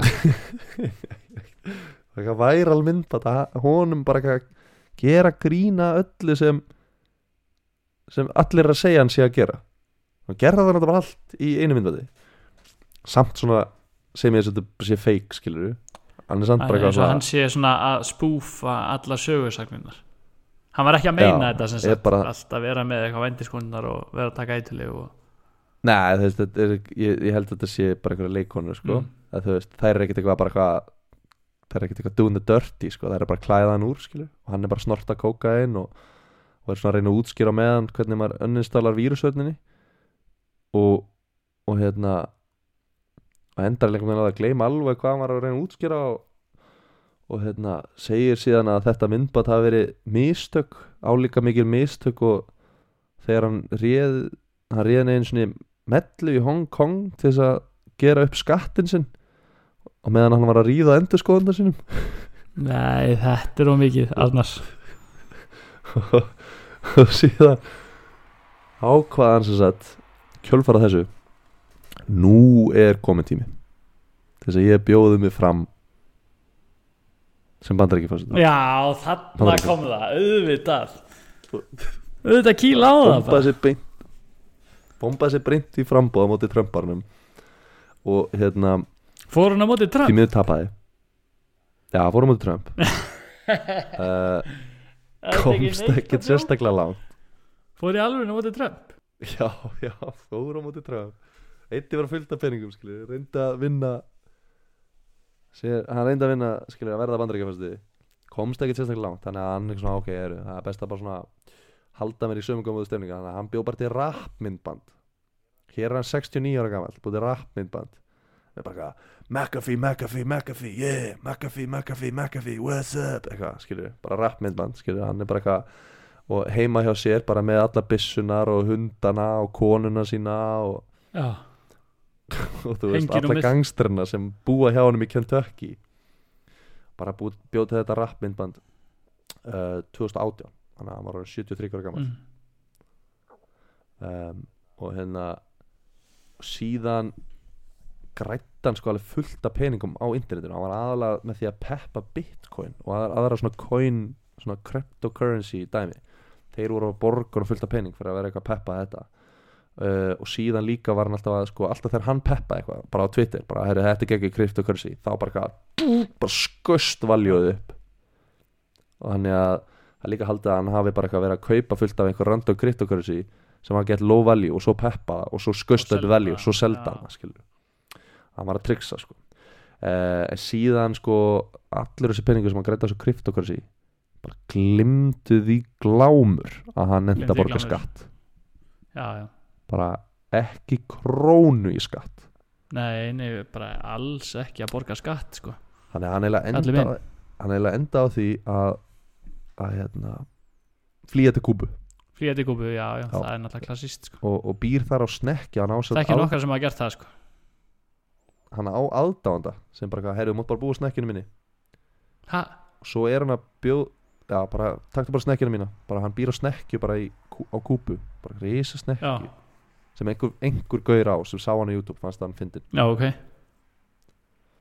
Og bara leiða hann bara að búa í skútunum sinni já, já, og hann er bara, þú veist, eftirlistur á IRS fyrir skattsvik. Já, og, og, og hérna og hann reyndi aftur að bjóða sig fram til fórseti bandaríkjana núna 2020 en út af því að hann er náttúrulega eftirlistur í bandaríkjana og má ekki fara til bandaríkjana til að taka þáttinn innum hérna uh, innum svona kappræðin þá hérna fekk hann fólk til að bara svona setja á svona McAfee svona buff.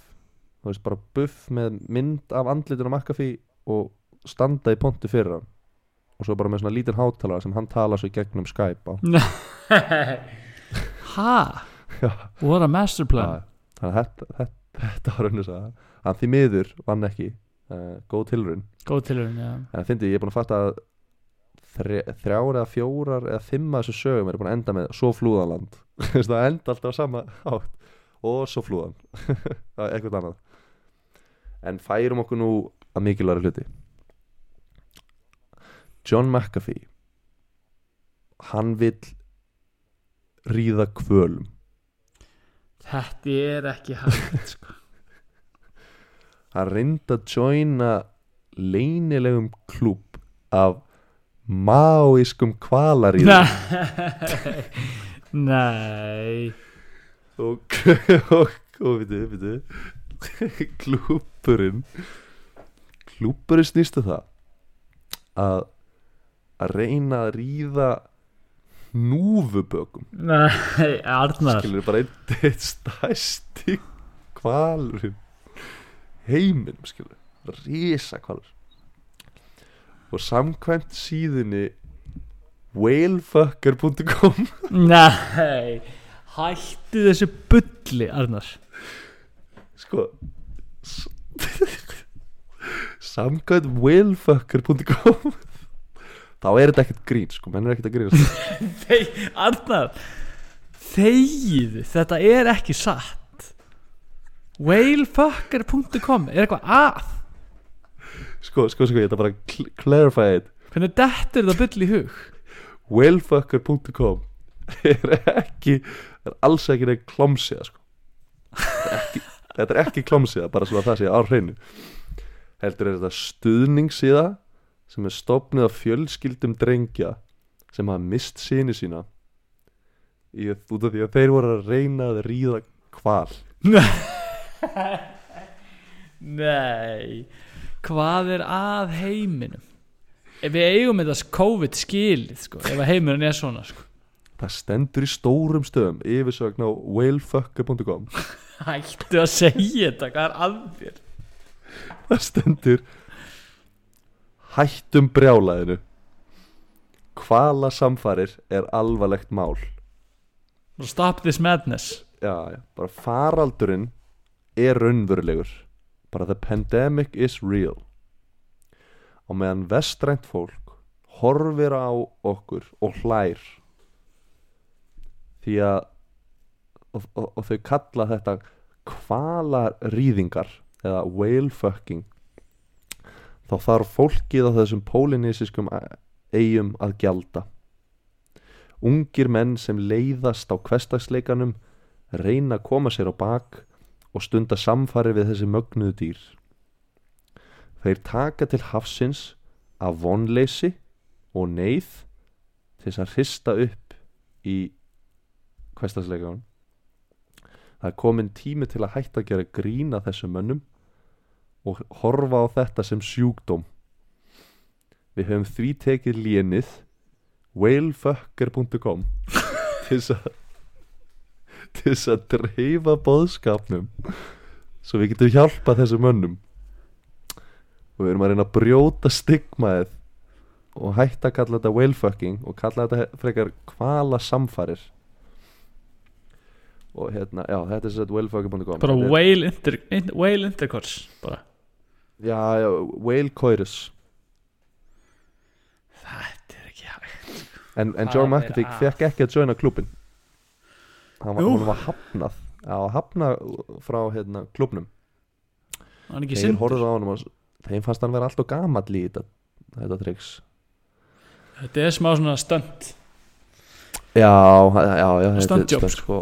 Og hann sko Hann var mjög ósáttur og hefur marg oft reynt þetta sjálfur En segir sjálfur að aldrei tekist það sko. Aldrei tekist að ríða kval um, Og hann hefur verið mjög gaggrindur fyrir þetta sportsitt að reyna að ríða kvölum Og margir horfa á þetta sem dýranýð Og hans svar við því er sagt hættið að segja að kvalaríðingar sé án samþykkis. Það er 100% með samþykki dýrsins. Dýrið vegur 30 tonn er 15 metra á lengt og getur kafað niður á 400 metra dýpi. Þeir geta rústa bátum með einu höggi að sporðinu sinum þannig ef mannesku tekst að ríða kval þá skaltu sko trúa því að það var með samþykki. Nei. Er það í alvörni Já, já, já. Það var kvot það var kvot hann, hans, hafa, þetta var yfirlýsing sem hann gaf út um þetta kvalrýðingamál Já, já. Fín yfirlýsing að pæla í. Já, já. og hann hérna baðst líka afsökunar að hafa móðgað fjölskyldunar á bakvið whalefucker.com það gerði hann óvart í hennu tviti dróð það tilbaka. Já.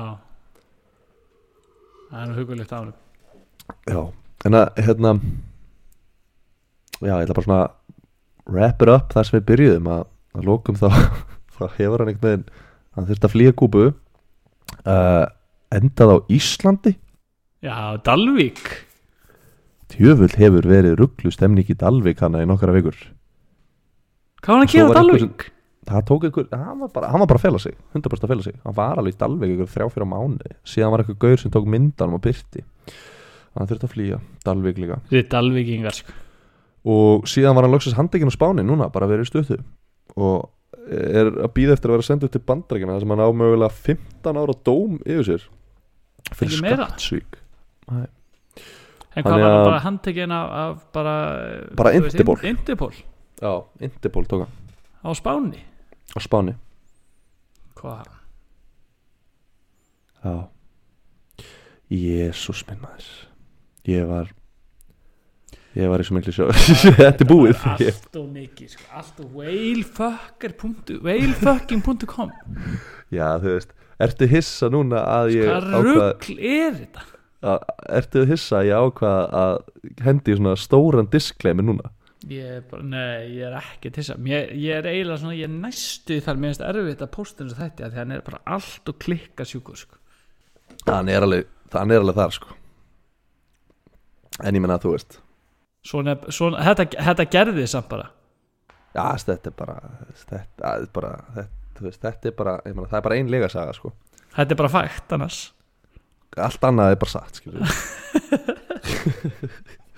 Það er það sem gerir þetta Þannig að þátt svo ógeðsla sjúkan Er að Hámar bara að Hámar bara í alvörun að trúa því Að 85% af þessu sem ég var að tala um núna Er satt Ég, meni, ég, ég, er, ég er með þér, þú veist.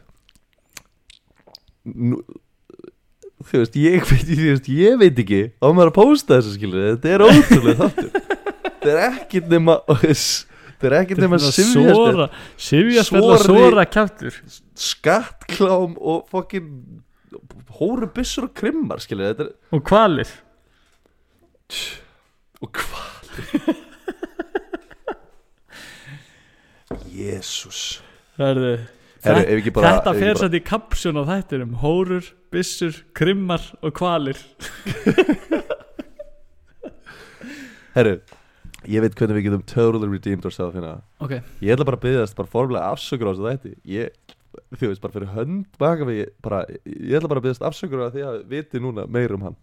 Já, já, þetta var ræðilegt sko Þetta var eiginlega ekki fyndi heldur sko. Þetta var bara þessi, Þetta er bara sjokk þáttur meir en funny Þetta er bara sjokk er bara Þetta sjokk sko. Ég var líka bara 100% í sjokki þegar ég Ég verði að fá quick recap sko. Veist, það er Ég Já. ætla ekki sjens að skjóta út í bláina þessum sko.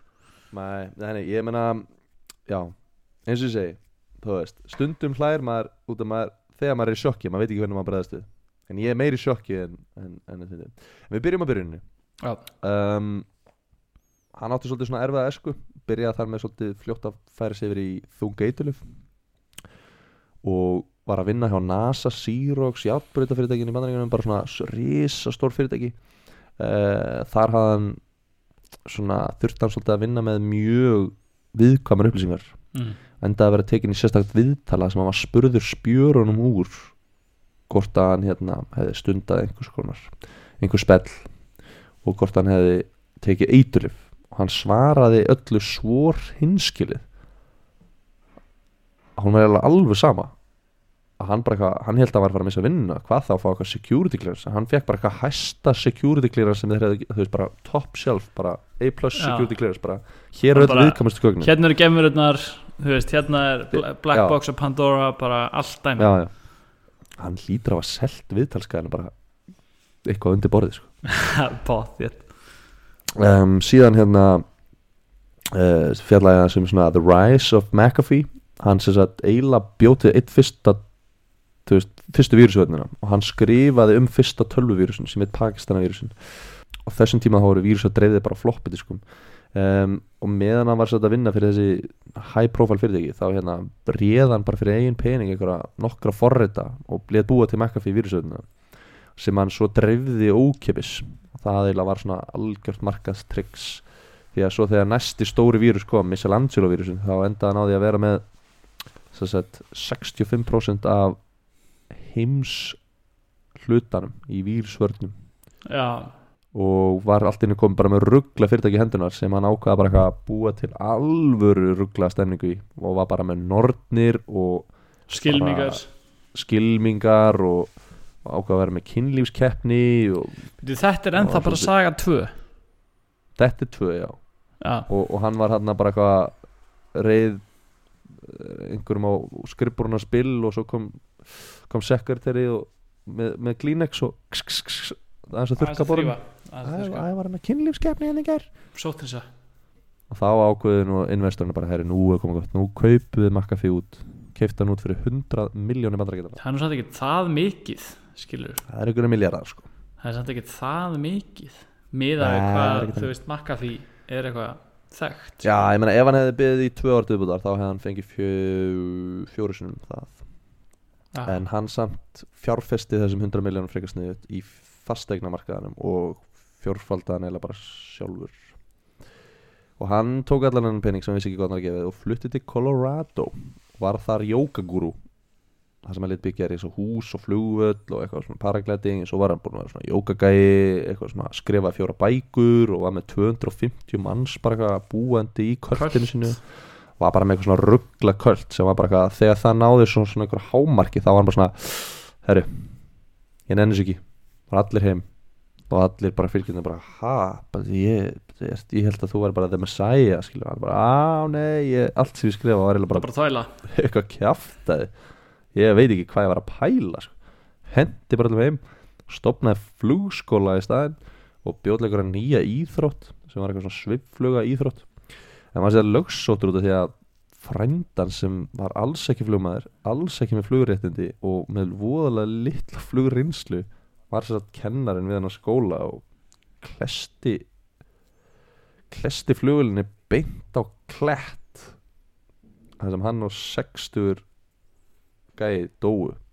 Og þeir dóu báðir semast Já, allavega 60 gæði það er ekki alveg, Já. fylgir ekki alveg sögunni hvort að 21, og hvort að frændin að daði sko.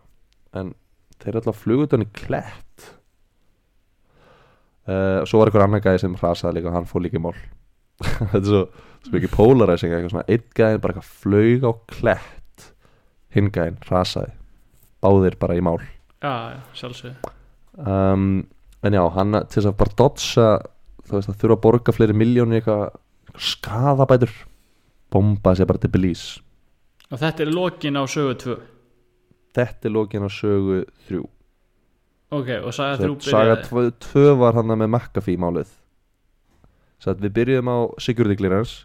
Já, síðan McAfee uh, medieval themed kynlífs fyrirtæki. Já, síðan uh, Köld flugvela fyrirtæki ok, og núna er Billys og nú erum við komið til Belize saga ok, 4 ok, hann ákvaði það að hann heiti vísindakonu sem var búin að finna rosalega flotta plöntu sem hafði læknandi áhrif í Amazon reikskóinum hún var ekki að gera eitthvað rannsókn hún leist svo vel á þetta. Hann eh, byggði reysa bönguló í frumskóinum og, og hérna ákvaði svona að þegar hann var komið bönguló og rassauðstofuna og svona á gott að fá sér bissur og svo fá sér gangstera og svo fá sér fullt af einhverjum konum annað inn og síðan bara eitthvað fór hann að búa til baðsöld í rannsóknastofunni reykti þau og var alveg rugglar var svo ruggla graður að hann gerði gata á hengikóinu sinna og við látum Kurt liggja þar. Allir vita restur af sögunni. Allir vita hvað gerðist. Höfður að gati kom í hengikóinu. Þetta Og er slæmt hérna- gat sko. Og, og hérna og síðan stopnaði hann sagt uh, stopnaði lögregluna. Já, stopnaði lögreglu og, og terrorisaði eitthvað lítið þorpana við hliðina í frumskóðunum og þá komst hann upp á kant við alreikislögluna í já, sem voru ykkur bölvaðir um, glæfamenn og, og líka svona hluta þessari sögu bara svona þess að lýsa stemningun í húsinu þá var ein gellan sem hann var með af þessum mörgum konum sem byggu hjá McAfee sem skauta næstu í hausin Skaut bara- kotta með hliðan á hann þetta var saga fjör. Þessi rollercoaster er þessi þáttur. Já, hann er, þessi þáttur er ótrúlega, þú veist. Maður þarf auðvitað bara, þegar maður er að hlusta á hann maður þarf bara svona, bíti, bíti, bíti hvað var hann að segja? Þú veist, maður þarf að spóla tilbaka já. en allavega nú erum við hérna ennþá í Belize. Hann, en við, ég er svona að byrja að lýsa því af hverju hann þurfti að flýja Belize. Sem sagt endaði að vera ákæri fyrir morð eftir nágrana erjur við sem sagt Greg Falls sem var einhver hermaður sem hafði kvartað undan hundunum hans. Og hann hafði nú reyndar hótað hann um lífláta einu sinni með því að beina hann um byssu þegar hann var eitthvað trespassing á lóðin hans síðan eina nóttina þá sá McAfee einhverja gauðra að vera að djöflast á lóðinni sinni og komað hundunum sínum eitruðum. Það svo bara eitra fyrir hundunum og hann sá sér ekki aðra kosta völ en að aflífa alla hundana. Uh, og síðan nokkur dögum setna eftir að hundana voru aflífaðir eða drefnir þá fannst nágrannin Greg Falls látin látin greinilega eftir aftöku bara morð. Hmm. Og McAfee var person of interest en var samt ekki beint eftirlistu fyrir morðið út af því að það var ekki til einn sönnagögn.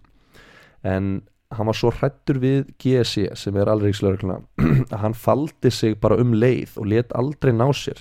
Og það sem hann notaði til þess að ná sér ekki var að bara með svaka dulagerfi það sem hann meðal annars setti skóaburði í smetti á sér og tróð túrtaf upp í nefið á sér og gekk um með staf og, og síðan líka algjört tryggs gaf hann lauruglunni 30 fartölur sem hann var búin að setja svona spyware á og gaf þar með fylst með öllu sem lauruglun gerði. Það átti hann reyndar að líka fylgja þeirri sögu. Glimtist að segja eh, ekki bara gæta fylgst með hvað, hvað lögreglan var að gera um, heldur líka uncoveraðan að lögreglan í Belize eh, er eitthvað massíft höpp af spillingu og human trafficking og eiturlifja ringur allt tengt lögreglunni sem hann kom stað með því að njósna með því að njósna með tölvunum Já, þannig að hann treysti alls ekki lögreglunni. Uh, hann endaði að flýja til Guatemala þar sem hann var handtekinn fyrir að vera ólega í landinu. Uh, fekk sér lögfræðing og sótt um hæli. Uh, þeir höfnuð hæli sem sókninni töluð við Belize þar sem hann var alls ekki eftirlistur og þeir Já. voru ekkert að leita hann minnsni þannig að þeir ákveða bara ok, heru, hann er greinlega bara eitthvað nájaður við sendum hann bara tilbaka. Og þá feikaði hann hjarta áfall og og hérna og það kefti nóg mikið tíma þess að lögfræðingur náði einhvern veginn að losa hann úr spítalanum og hann kefti sér flug með að beint til Miami og búm, flúði Guatemala til bandaríkina ok, það sem hann var náttúrulega ríkisborgari og gæti bara beint farið tilbaka. Ok. Það var klikka langt ríkap á þessa sögu en Já, þetta var líka saga sem ég held ég tók hálftíma fyrir maður að segja. Þetta var eiginlega volta löng saga sko. já, gerðist svo mikið sko. en já, hann fótt í Miami. Þar hitt hann konu sem var líka vændiskona. Um, og byrjaði með henni. Hérna, já, hún var líka vændiskona og, en, en hann varð eiginlega strax ástfangin að henni.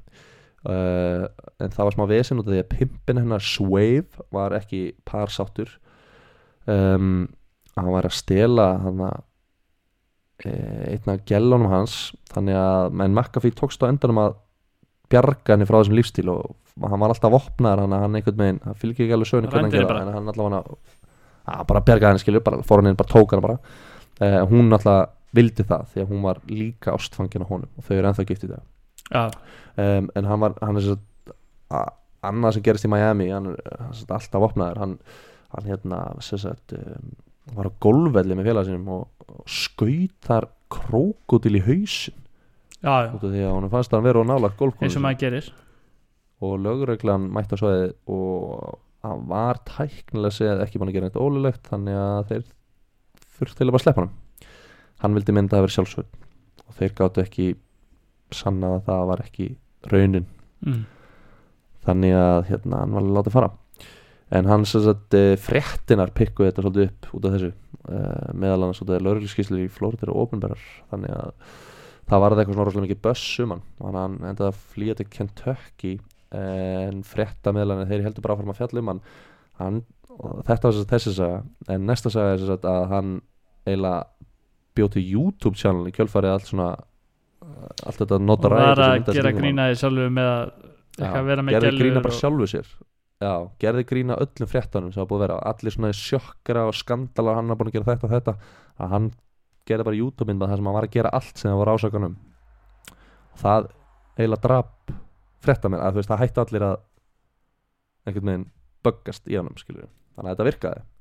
Um, svo byrði hann sér fram sem fosseta þegar það virkaði ekki þá byrði hann til rappmyndband og rapplæði var einhvern veginn svona. McAfee, McAfee, McAfee McAfee, McAfee, McAfee þar var hann 73 ára gammal þegar hann bjóti það, geggjaða myndband um, og síðan uh, peppaði hann cryptocurrency og fekk fullt af penningu þar og ákvaði síðan að bjóða sér aftur fram sem fórseta um, gekk ekki ekki. hjá honum og síðan þur, neða, þurfti líka að flýja land út af því að hann var ekki búin að borga skatt síðan hann flutti til Miami þannig að hann var ekki búin að borga skatt í næstu í 8 ár og IRS var á hælanum ánum þannig að hann flúði til Kúbu bjóð þær í skútu á Sí. Já, síðan eiginlega, þú veist ég myndi nú alveg segja að podcastið up at this point var búin að vera rugglað síðan fór ég út í það að John McAfee langaði að ríða kvölum og ég kynnti þér fyrir heimasíðinu Já, þetta er whalefucker.com bara mesta bull í heimi sko. þú veist, þú með þessar beljusögur og núna með eitthvað kvala rugl sko, þetta er ekki hægt. Það, sem, það sem að er í raun sko bara svona whalefucker.com er bara svona mjög wholesome síð og það sem er reyna að vekja bara awareness á að sumir kallmennan úti eru bara veikir og vilja að ríða kvölum. Er bara, og ekkert bara smákvölum bara risa þryggja tonna 15 metra lengum kvölum. Og margir drukna því með við það og þar með, þú veist, er þetta í raun bara svona geðrætt sjúkdómur og þeir vilja vekja aðtikla á því með síðunni whalefucker.com og, og hérna og McAfee, hann reyndar hann vildi ekkit vera að hjálpa þessum fjölskyldum, hann vildi bara joina klubbin og líka fá að ríða kvölum, en hann var, fekk því með höfnum og hefur þurft að stand já, hann hefur þurft að vera í þessu áhugamáli einn því miður, hann fekk ekki að joina klubbin mm. uh, hefur reynd þetta oft en aldrei tekist uh, svo hefur hann fengið gaggrín en hann sagði nú bara að sé raun ekki hægt að ríða kval nema með samþykki Mm. þetta er svo stórt dýr og þeir geta bara kafað þeir eru pyrraðir Mm. Þannig að þannig að, já, ok. Fair enough. Fair, fair enough. Uh, já þetta voru allar sögunar svo talaði bara um það sem við tölum um byrjun. Þannig að vera handekinn á Spáni. Já, ekki með spáni. Sko ég, hérna þetta er náttúrulega yes. svo mikið á ég að skammast þín fyrir þátt já, á já, ég- þú átt ég- 100% að skamma þess fyrir þetta sko, þetta er þetta í hug sko. ég er bara að researcha og skrifa bara á blað. 100% galinn sko, að velja hennar gaur sko. eina ástæða fyrir ég fjallaði um McAfee var út af því að ég sá að hann hefði verið handtekinn. Og ég var bara svona, já, er hann ekki pínu rugglaður what the hell, little did I know. Fokkin fyrst rugla eldri með að gruna að hann væri svona sjúkur. Sko ég ég, tvær alltaf sko. Ég, nú er ég, ég með tvær. Sko, tvær, tvær. annars vegar held ég að þetta Já. sé allt hann að verið fokkin klikkaði sko. Og þú hafi búið til þessa krókudíla sögu að því að hún er eitthvað of so little value í stóra saminginu sko. já, já, já, hún, hún sé raun mest wholesome það saga er mest hólsom sagan skilur ég sé í gegnum hana skilur já, já, já, já. Og svo fannst mér sko saga 2 það var hérna, var Mm. það ekki Nordna Nordnirnar Jó, í Makkaví nornir í já, með kynlífsparti og, og nornir og líka skilmingar. Já. já, hann var eiginlega bara með svona medieval theme í gangi, svolítið. Bull segi á corporate fyrirtækin sko, af þessum tveimur. Þá ætla ég eiginlega að giska á hana. Mér finnst það bara of líkt eitthvað atri Wolf of Wall Street. Ég held að það er að það búið það til Já, ég hafi raun stólið bara frá Wall Street og sett hana inn í uh, já, Makkaví Já, sko ég ætla bara að segja strax að það var mjög erfitt fyrir mig að, að, hérna, að semja legasögu. Og það er því að þú veist ég get ekki verið jafn sjúkur á þessi maður. Það er ekki séns fyrir mig að vera jafn sjúkur í hausnum og John McAfee er sjúkur í hausnum. Þú veist, hann er bara sick individual sko. um, færum okkur yfir í Miami söguna með krokodil mm, hitt gískið það vill svo til að hann vissulega kynntist konu sinni í. Miami. Og hún var vændiskona og það er nú líka satt að að það var eitthvað pimpana sem hétt Swave Swave og, hann stál henni svona, hann var svona svolítið hvítur riddar já, kom inn á hestinum og, og bjargaði henni. Um, svo síðan er líka alveg rétt að hann var alltaf með alltaf með possi með sér. Alltaf, alltaf með byssur. Hann fer aldrei úr húsinni með að vera með þrjár byssur alltaf með haglara alltaf með skambissu já.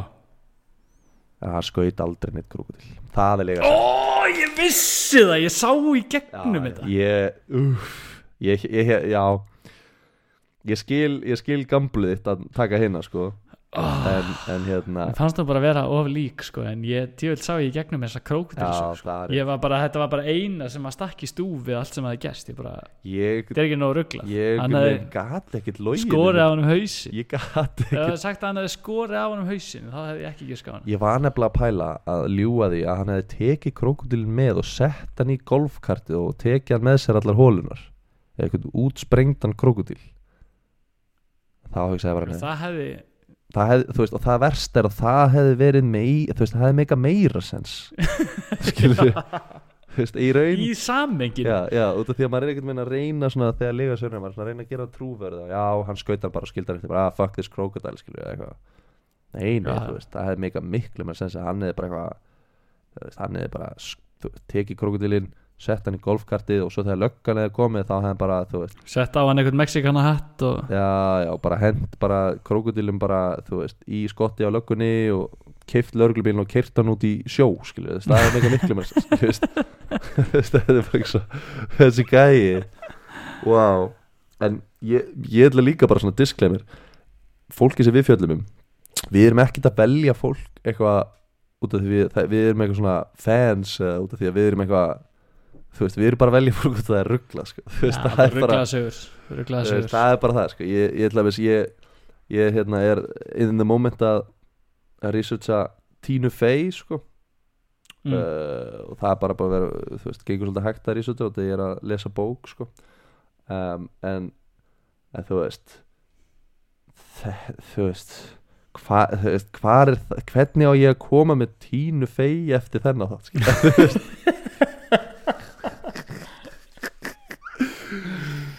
Jésús alvatur Já, þetta var- ég bara, ég er veginn svona Ég er bara andlega drain já, ég er bara svona slegin eftir þetta. Ég er einhvern veginn svona bara mér langar eiginlega bara einhvern veginn að fara bara í sturtu og hlusta kræðingum bara eftir Já, þetta ég, ég er 100% að fara í styrtu sko. Ég er að fara að skóla á mér þá. Ég er líka að vera í rektinni Tullu strákur, verið í rektinni Þú ert líka búin að rektinni, Gísli. Ha? já gott að rækta Mm. sig og rækta aðra. Já, hörðu, bara ekki fín lokað? bara bara að segja segja bara bless í bili og, og hérna og bara don't do drugs kids. Já, stay in school. Stay in school. Don't do drugs. Og bara þú veist bara uninstallið McAfee ef þið er með á tölunni get that shit away sko. Já ekki láta bendlingu við þetta eins og þú ert að gera Já. núna. Ekki láta bendlingu við hennan sækopata maður er. En ég, hérna, ég þakka bara fyrir mig Þarnars, þetta var mjög skemmtilegt. En ég er samt í fokki miklu sjóki sko. Gauður, þú verður að fara inn á whalefucker.com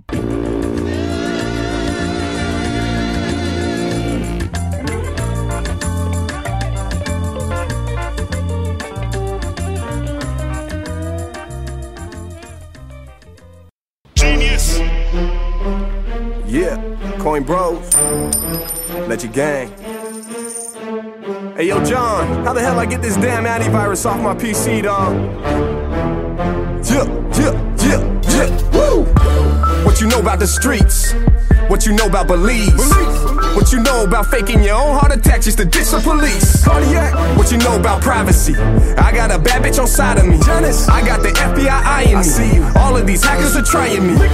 Trying to get them a peek. Trying to get all on my Twitter for that coin of the week. I got China trying to ban every time that I speak. And now we got Trump. Bet you wish you voted for me. I got an arsenal, an arsenal. A bunch of big guns, drugs, and some cars to pull. Cars, hoes with the crypto paid in full. A bunch of hating motherfuckers writing articles about McAfee, McAfee, McAfee, John. McAfee, McAfee, McAfee, McAfee, John. McAfee, McAfee, McAfee, John. Don't fuck with my dogs, don't fuck with my dogs. Woo! Crypto flipping, woo! In the lab just mixing, woo! You gon' see my vision, got hoes shooting at me and they just keep missing. McAfee, McAfee, McAfee, John. McAfee, McAfee, McAfee, John. McAfee, McAfee, McAfee, John. Don't fuck with my dogs, don't fuck with my dogs. Woo! Crypto flipping, woo! In the lab just mixing. You gon' see my vision, got hoes shooting at me and they just keep missing. Some people think I'm psychotic. I'm riding something exotic. I got no need for a rubber. I'm whipping up antibiotics. I only fuck with the crypto. I got no need for a pocket. Bitcoin 2020, a million, a million. I hope that you bought it. Sitting in the tub, got my girl pouring bath salt. Picking ICOs, it's a motherfucking cash fall. Riding the Bentley, burning asphalt. Hating on my Twitter, get a motherfucking black ball. McAfee, McAfee, McAfee, John. McAfee, McAfee, McAfee, John. McAfee, McAfee, McAfee, John. Don't fuck with my dogs, don't fuck with my dogs. Woo! Crypto flipping, woo! In the lab just mixing, woo! You gon' see my vision, got hoes shooting at me and they just keep missing. McAfee, McAfee, McAfee, John. McAfee, McAfee, McAfee, John. McAfee, McAfee, McAfee, John. Don't fuck with my dogs, don't fuck with my dogs. Woo! Crypto flipping, woo! In the lab just mixing, woo! You gon' see my vision, got hoes shooting at me and they just keep missing. McAfee, McAfee, McAfee. John. McAfee, McAfee, McAfee. John. McAfee, McAfee. John. Don't fuck with my dogs. Don't fuck with my dogs. Crypto flipping. In the lab just mixing. You gon' see my vision. Got hoes shooting at me and they just keep missing. McAfee, McAfee, McAfee. McAfee, McAfee, McAfee. McAfee, McAfee, McAfee. Don't fuck with my dogs. Don't fuck with my dogs.